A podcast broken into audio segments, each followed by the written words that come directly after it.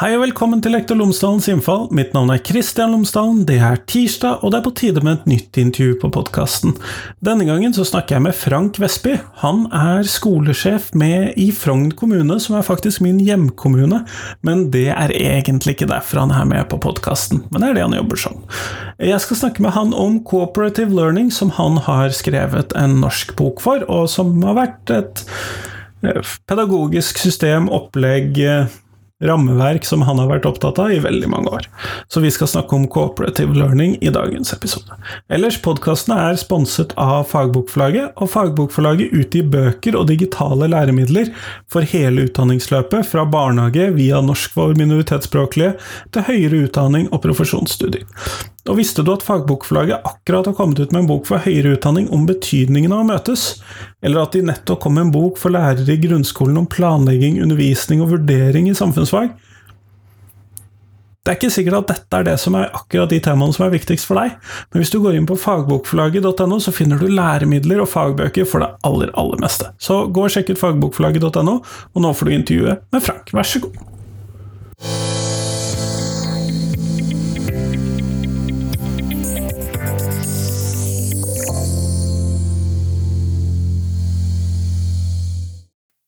Frank Vestby, tusen takk for at du har tatt deg tid til meg i dag. Bare hyggelig. Før vi kommer sånn ordentlig i gang med podkasten, så hadde jeg håpet at du kunne fortelle lytterne mine tre ting om deg selv, sånn at de kan få bli litt bedre kjent med deg. Den er grei. Ja, jeg er skolesjef i Frogn kommune. Eh, blir faktisk 60 år til sommeren. Eh, ny, nybliven farfar, nesten. Så det er jo kjempehyggelig. Eh, ja, jobbet i skolen i mange år. Startet som lærer på Sogn videregående skole 1984.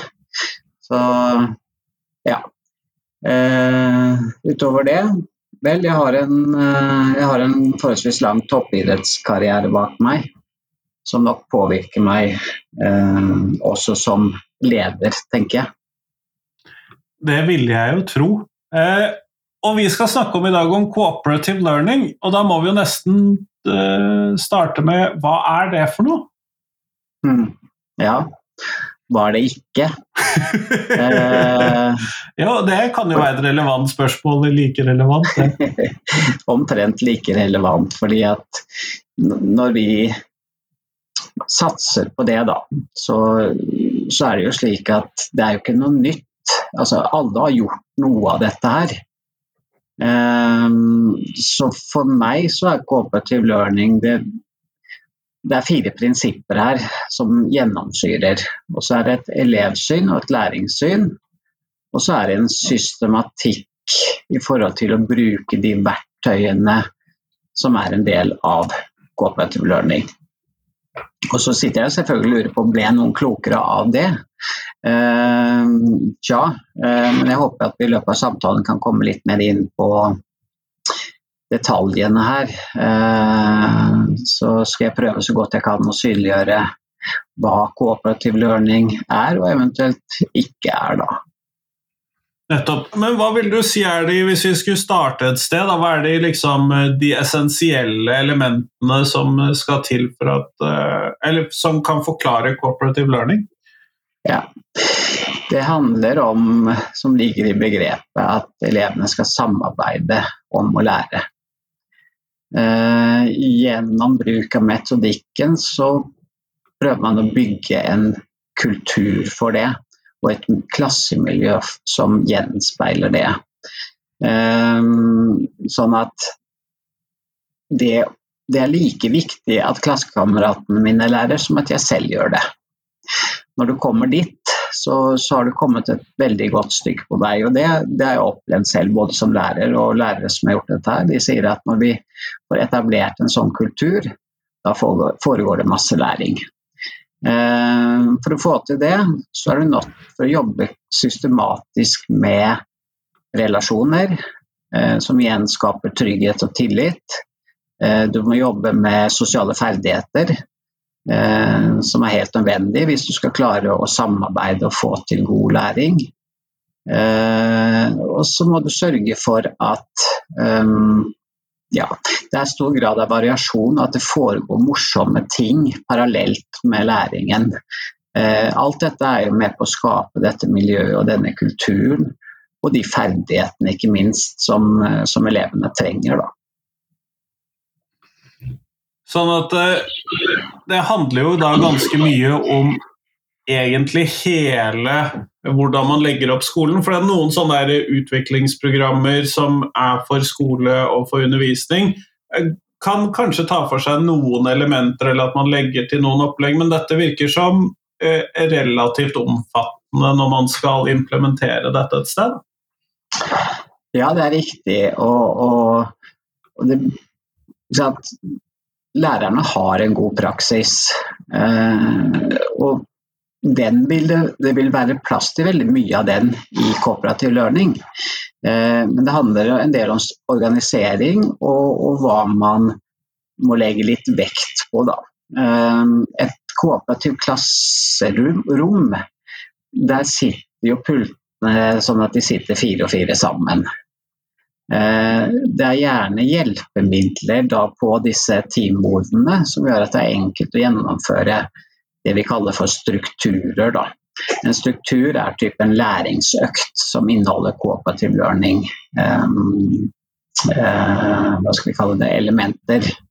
Um, I et cooperative learning-klasserom så er det til tider veldig mye lyd. Uh, det er mye bevegelse. Uh, det foregår mye samtidig. Eh, noe av poenget er jo å aktivisere flest mulig elever samtidig. Eh, og det gjør man gjennom cooperative learning-strukturer. Eh, det handler veldig mye om klasseledelse også, fordi at selv om elevene er veldig mye aktivitet, så foregår det på hva skal vi kalle instruksjon av lærer. Vi gjør det, og det gjør vi så lang tid. Og neste step er sånn, sett i gang osv. Så, videre. så jeg opplever jo at klasser hvor det er en del atferdsproblematikk og uro, så er det også et godt virkemiddel i forhold til å få god struktur på det som foregår. da. Men du sier at det er mye lyd og sånn i et klasserom som er preget av denne metoden. Hvordan, eh, hvordan skapes den lyden, da? Ja. Jeg regner med at det er elevene, da. Det må jeg innrømme. Ja, ja. Det er, eh, det er elevene. Og man prøver jo å sette opp gode situasjoner hvor elevene skal prate sammen. Og jo flere som prater samtidig, jo bedre. Eh, for det er Vygotskys teorier som ligger til grunn her, at det du klarer å formulere med egne ord av forståelse, kunnskap, det lærer du. Og hvis du må forklare for noen andre, så lærer du enda bedre. Så det kan jo være at man etter, eh, etter en input på et eller annet og, og, man har jobbet med at man setter elevene sammen to og to. Den ene forklarer, den andre lytter. Og så kanskje man bytter på, og så må en ny en forklare til en annen osv. Eh, og, og da vil det være mye lyd eh, når mange, så mange prater samtidig. Da. I tillegg så er dette med leken og, og bevegelse eh, en del av systematikken. Da. Det er der du, får um, utviklet litt, litt, relasjoner, det er der du får le sammen, det er der du skaper den gode stemningen. Eh, og så tenker jeg også at det passer veldig godt til de guttene som eh, vi vet sliter i skolen. Fordi at de kanskje får, må sitte for mye stille, eh, rett og slett. Ja. Men hvis du skulle tegne opp et bilde av hvordan en sånn undervisningsøkt er, eh, så sier du det at de sitter ofte i par. Eh, er det noe Hvordan ser det ut ellers? Mm. Altså, du har jo gjerne en skulderpartner, altså det er paret. Og så sitter du sammen med to andre som du sitter ansikt i ansikt med. Da kan du gjennomføre diverse strukturer hvor du samarbeider med skulderpartneren din, eller du samarbeider med ansiktspartneren din, eller at det foregår et samarbeid eh, for alle fire. Da.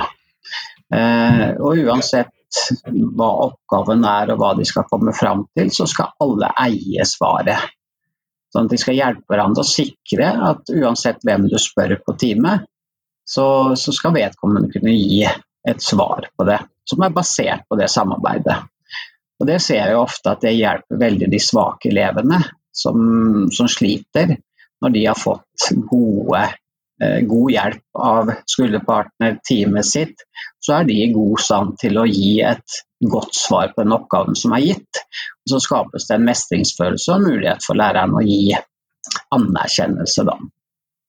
Så, så det, er, det, handler om dette samarbeidet å gjøre ting sammen, få det til. Forklare for hverandre, forklare kanskje for andre. Eh, gi, gode, gi god læring, da. Nettopp. Eh, men disse gruppene, er de permanente, eller er det noe man sitter i da over kort tid eller lang tid, eller? Det er ikke noe fasit, men du har liksom disse basegruppene. De Disse firerne? ja.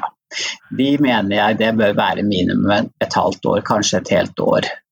Eh, grunnen til det er fordi at der skal du investere en del. Du skal bygge vi-følelsen. Du skal skape den tryggheten, den tilliten.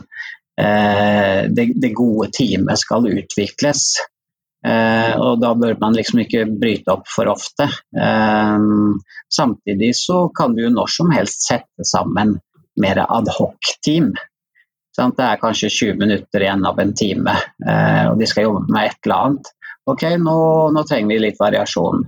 Eh, og så organiserer man veldig kjapt nye grupper, og så setter de seg ned og samarbeider med andre enn det de vanligvis samarbeider med. Så dette er jo hva skal vi si, vurderinger som læreren må gjøre. Nettopp. Eh, men du har omtalt disse undervisningsoppleggene som strukturer. Og det er et begrep som er litt sånn ukjent for meg eh, som lærer, i hvert fall. Ja, ja. Nei, det kommer jo fra structures. Um, fordi at Metodikken, for å si litt om det, da, det var disse brødrene Johnson, David og Roger, som på 70-tallet begynte å, å, produsere og forske på cooperative learning. Så er det han Steven Stephen Kagan i Canada som har utviklet dette videre og skrevet masse bøker og arrangerer workshops osv. Så, videre. så det er så mye annet at man prøver å lage gode norske oversettelser på disse engelske begrepene. Og 'structures' sier noe da om eh, hvordan du organiserer en spesiell læringsøkt. Og det finnes kanskje si 140 forskjellige 'structures'. da. Eh, og hvor forskjellige Altså noen har til hensikt å Eh, utvikle kognitive ferdigheter. Noen strukturer har til hensikt å fremme samarbeidsferdigheter. Så noen er, eh, skal eh, utvikle kreative ferdigheter. Så man, man har på en måte en, en bank av strukturer, og som man da kan velge ut fra hva målet med timen er. Da. Nettopp. Og nå tror, for jeg trodde når du da snakket om strukturer i begynnelsen, at det da var snakk om eh, eh konkrete undervisningsopplegg. Altså det, nå skal vi eh, arbeide med andre verdenskrig, eller et eller annet som vi mm. skal arbeide med. Men slik jeg forstår deg nå, så er det da snakk om eh, rammer for å putte en eh, undervisningsøkt inn i, eller en eh, del av en undervisningsøkt inn i. F.eks. hvis du skal lære da om andre verdenskrig, et eller annet ved det, så putter du det inn i en egnet struktur for å arbeide med det. Ja, det er helt riktig. Det, jeg inviterer meg selv ut i skolene. Um, og da, da, blir det som jeg sier, gi meg tema, gi meg problemstillinger de skal jobbe med. Så organiserer jeg det gjennom strukturer. Eh, så litt fleipete så sier jeg at det, det spiller ingen rolle hvilket fag det er, jeg kan undervise alle fag. Nei da, du skal, ikke sant? for lærerrollen oppi dette her er jo også spennende, da. Eh, for når elevene da sitter og jobber, eh, så er jo det selvfølgelig anledningen til å gå rundt og hjelpe og, og spørre og, og, være en veileder da, mens elevene jobber. Um, så, så, den faglige kompetansen er selvfølgelig viktig da, i den i den fasen og den rollen. Nettopp. Sånn at du velger da den strukturen som er mest hensiktsmessig ut ifra det målet som da skal oppnås, da, antar jeg. Ja. ja, ja. Eh, og så vektlegges sosiale, de sosiale ferdighetene og det faglige eh, i omtrent like stor grad. Eh, F.eks. Og og det kan jo gjelde helt opp til videregående skolenivå, for det er vel få, sikkert ikke du og jeg heller, som er fullt utviklet på alle sosiale ferdigheter. Så det er jo å, å ha noen sosiale ferdighetsmål som man da parallelt jobber med. Det kan være evne til å lytte, eller evne til å stille gode spørsmål, eller hva det måtte være for noe. Eh, er, det er helt avgjørende for at man skal nå den optimale effekten ut av dette her. Det er jo selvfølgelig at de elevene behersker det å samarbeide med andre på best mulig måte. Nettopp. Men hvordan eh, får man 140 strukturer, det hørtes ut så mye å ha oversikt over. ja. Du kan si nå har jeg holdt på med dette her siden ja, 1999, tror jeg. Nå er en stund, altså? En stund. Eh, nå er jeg jo ikke lærer lenger, så jeg bruker det jo ikke så ofte som jeg gjorde det, selvfølgelig. Men jeg tror kanskje jeg kan ja, 50-60 strukturer har jeg vel sånn i ryggmargen, tipper jeg. Og så er jo mange av de strukturene har mange likhetstrekk, og så er det litt små forskjeller, da. Så, så, det er liksom ikke 140 helt forskjellige strukturer, det er det ikke. Nei, det skal jo litt til. Klasserommet er ja. jo ofte variasjoner over et tema. Ja, ja. Helt klart.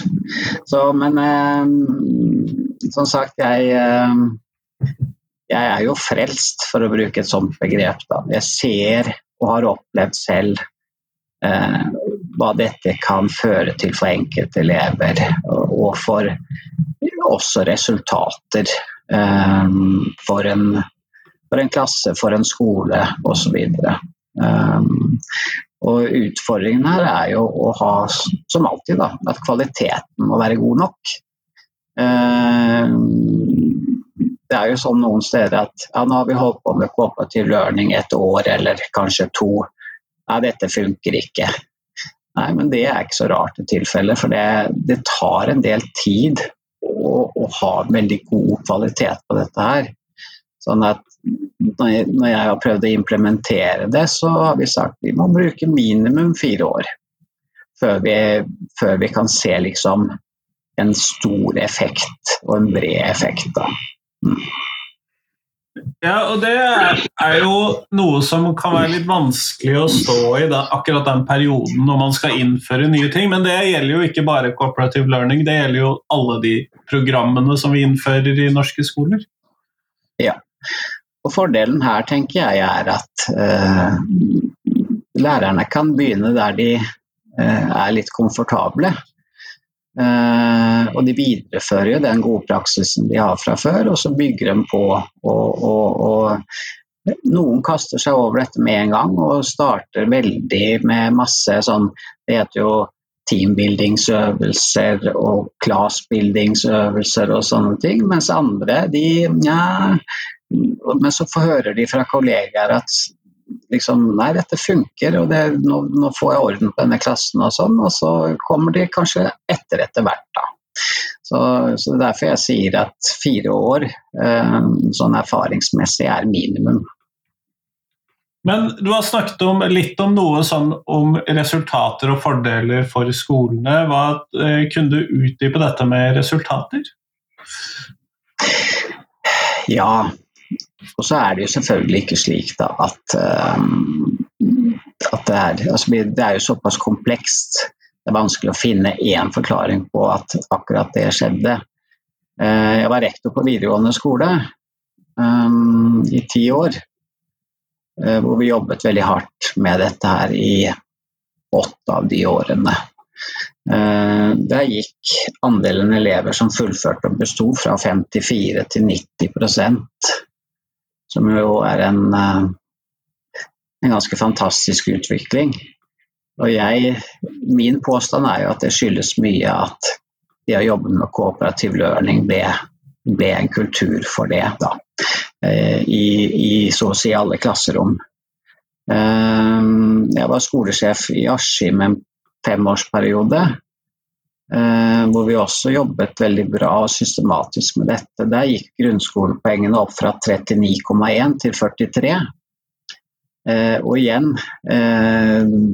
min påstand er at det skyldes mye at vi ble veldig gode på cooperative learning. Eh, og vi ser det ofte på elevundersøkelsen også, at trivsel, trygghet, mobbetall osv. blir bedre når man lykkes med dette her, da. Eh, men eh, er det noen elevgrupper som særlig tjener på denne metoden, slik du ser det, eller i din erfaring?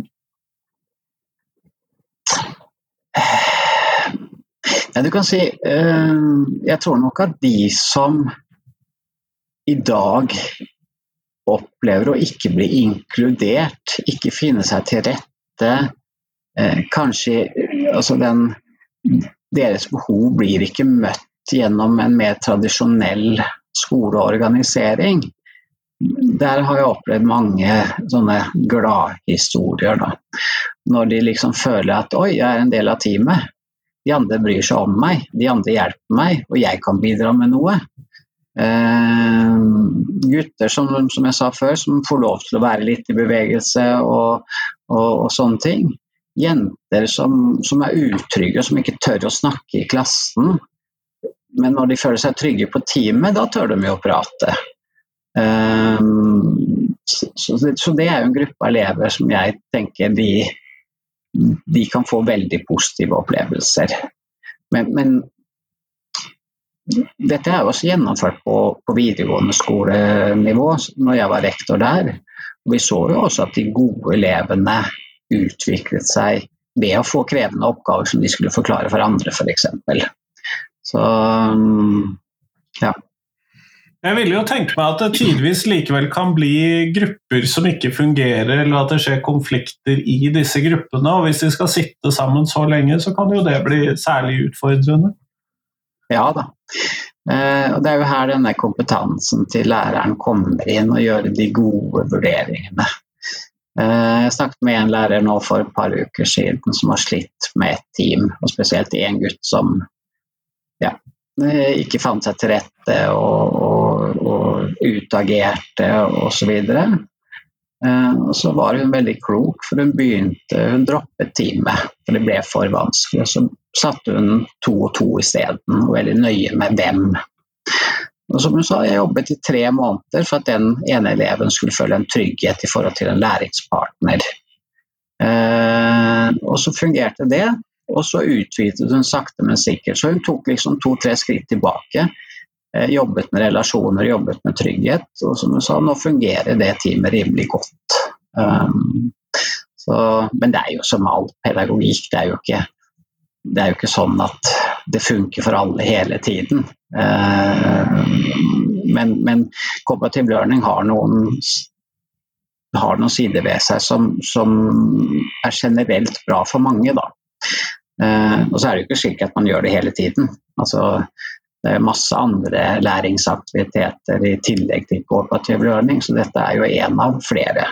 Men at selve læringssynet, eh, elevsynet, da vil nok i stor grad gjennomsyre det man driver med. Mm. Eh, og da er det jo kanskje det essensielle spørsmålet fra min side blir er dette noe som funker hvis jeg skulle ha lyst til å innføre dette i mitt klasserom, mens mine kolleger ikke praktiserer det? Eh, ja, men det, det, blir mer krevende. Eh, fordi at det er en fordel hvis elevene altså hvis, hvis, du som lærer har elevene veldig mange timer i uka, så, så er det et godt grunnlag. Men hvis disse elevene har tre til fire lærere Eh, med omtrent like mange timer, så vil det bli mer krevende. For det handler jo om at de skal trenes opp til å mestre det. Eh, og da, da bør det jo skje systematisk. Eh, og det blir vanskelig hvis du driver på alene med få timer i uka, rett og slett. Fordi at som jeg sier, Hvis vi skal drive det som heter classbuilding-øvelser, som skal bygge klassemiljø, bygge relasjoner, det er en fordel hvis kanskje lærerne avtaler. Den ene gangen så, uka så gjør vi det i kroppsøving, neste gang gjør vi det i mat og helse, tredje gang så gjør vi det i norsk. Så bytter vi litt på eh, å ha ansvaret for det. Eh, og når du jobber med team og teambuilding, så deler du også ansvar med kollegaer. Så, så, så det, er, det, er, en klar fordel. Det er det. Men gitt at jeg er rektor, da, og så vurderer jeg å innføre dette på min skole, hvordan tenker du at det er lurest å gå frem i en sånn sammenheng? Mm. Det handler veldig mye om kompetanse, kompetanseutvikling og motivasjon, selvfølgelig. Um, jeg har jo vært rundt i hele Norge omtrent uh, og hatt innføringer og, og prøvd å motivere osv. Og, så og jeg tror at det aller viktigste er liksom å komme i gang.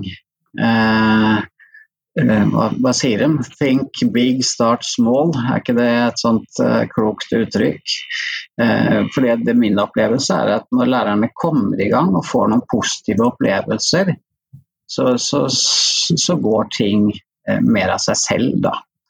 Eh, så ikke legge lista for høyt i starten, men eh, ta en forsiktig innføring og, og ja, passe på at man deler med litt med kollegaer osv. Så, videre. så så er det et godt utgangspunkt. Og ofte er det noen få lærere som blir veldig gira tidlig. Eh, og da er det jo lurt at de kanskje kan få lov til å dele det med, med resten av lærerne. Eh, men hvis vi da, fordi at Ut ifra disse turene da, som du har uh, tegnet et bilde av, så oppfatter jeg de som litt sånn Dette er noe vi har i én en enkelt økt. Kan man se for seg at disse strukturene eksisterer også for større prosjekter som man arbeider med over tid, eller er det vanskeligere i en sånn sammenheng? Hvis vi skal ta det eksempelet du tok opp, da, annen verdenskrig. Ja, for eksempel. ja, for eksempel. Eh, så kan det kanskje være naturlig å starte opp med enkle, en enkel kooperativ learning-struktur, hvor, hvor, elevene reiser opp, og så blir de to og to. Og så kan du snakke litt om hva vet dere om annen verdenskrig, hva har dere hørt? Um, og så er alltid oppgaven, eller som regel er oppgaven å fortelle hva partneren din sa. Ikke sant?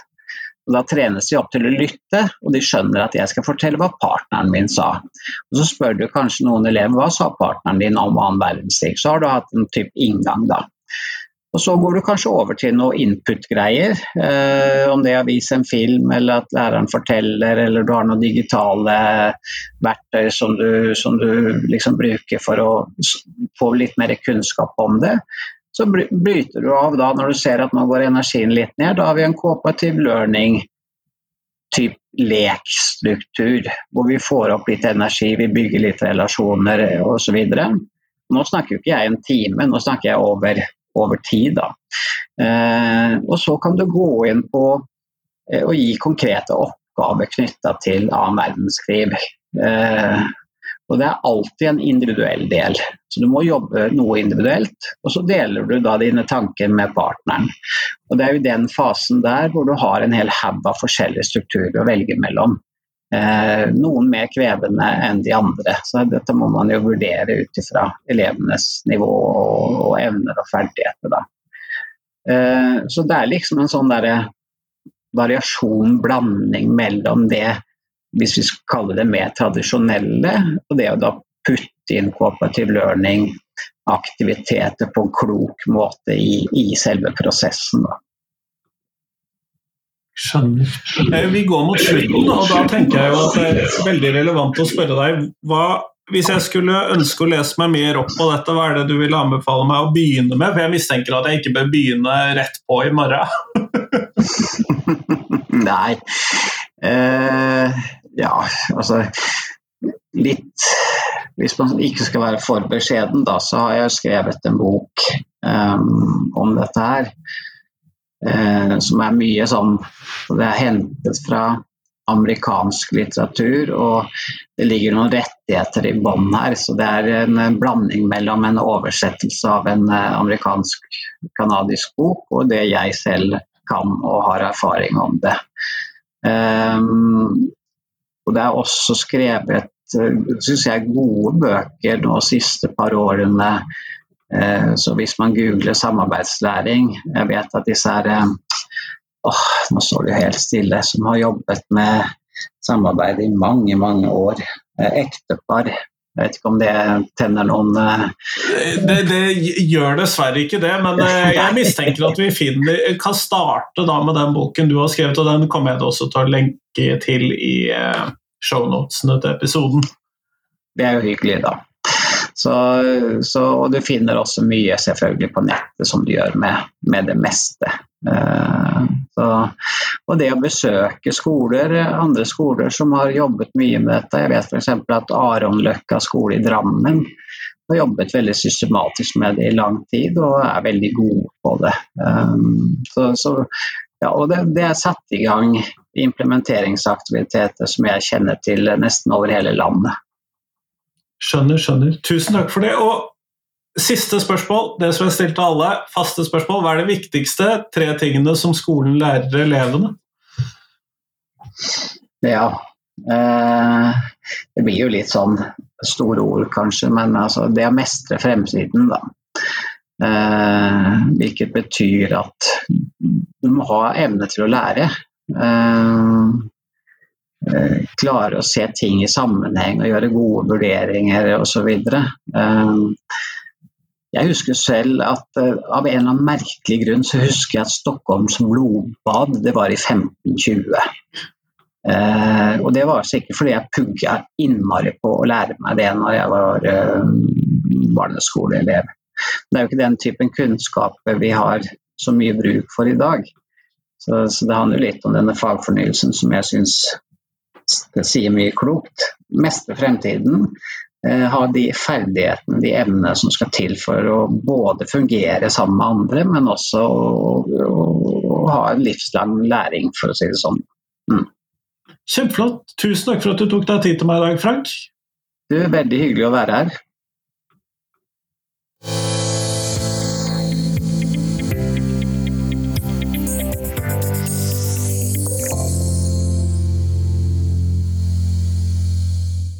Tusen takk til Frank, og tusen takk til deg som har hørt på. Nå er det fram til tirsdag, så kommer det et nytt intervju på podkasten, men på fredag så kommer det selvfølgelig en reprise. Det satser jeg på at du vil sette pris på. Da henter jeg fram et gullkorn fra tidligere i podkastens historie, og nå har vi jo holdt på ganske lenge med denne podkasten. Dette er jo episode 437 som du hørte på, så jeg har noen å hente fram som absolutt fortjener et gjenhør. Men nå, nå skal du få lov til å ha uken din i fred. Ha en fin uke. Hei, hei.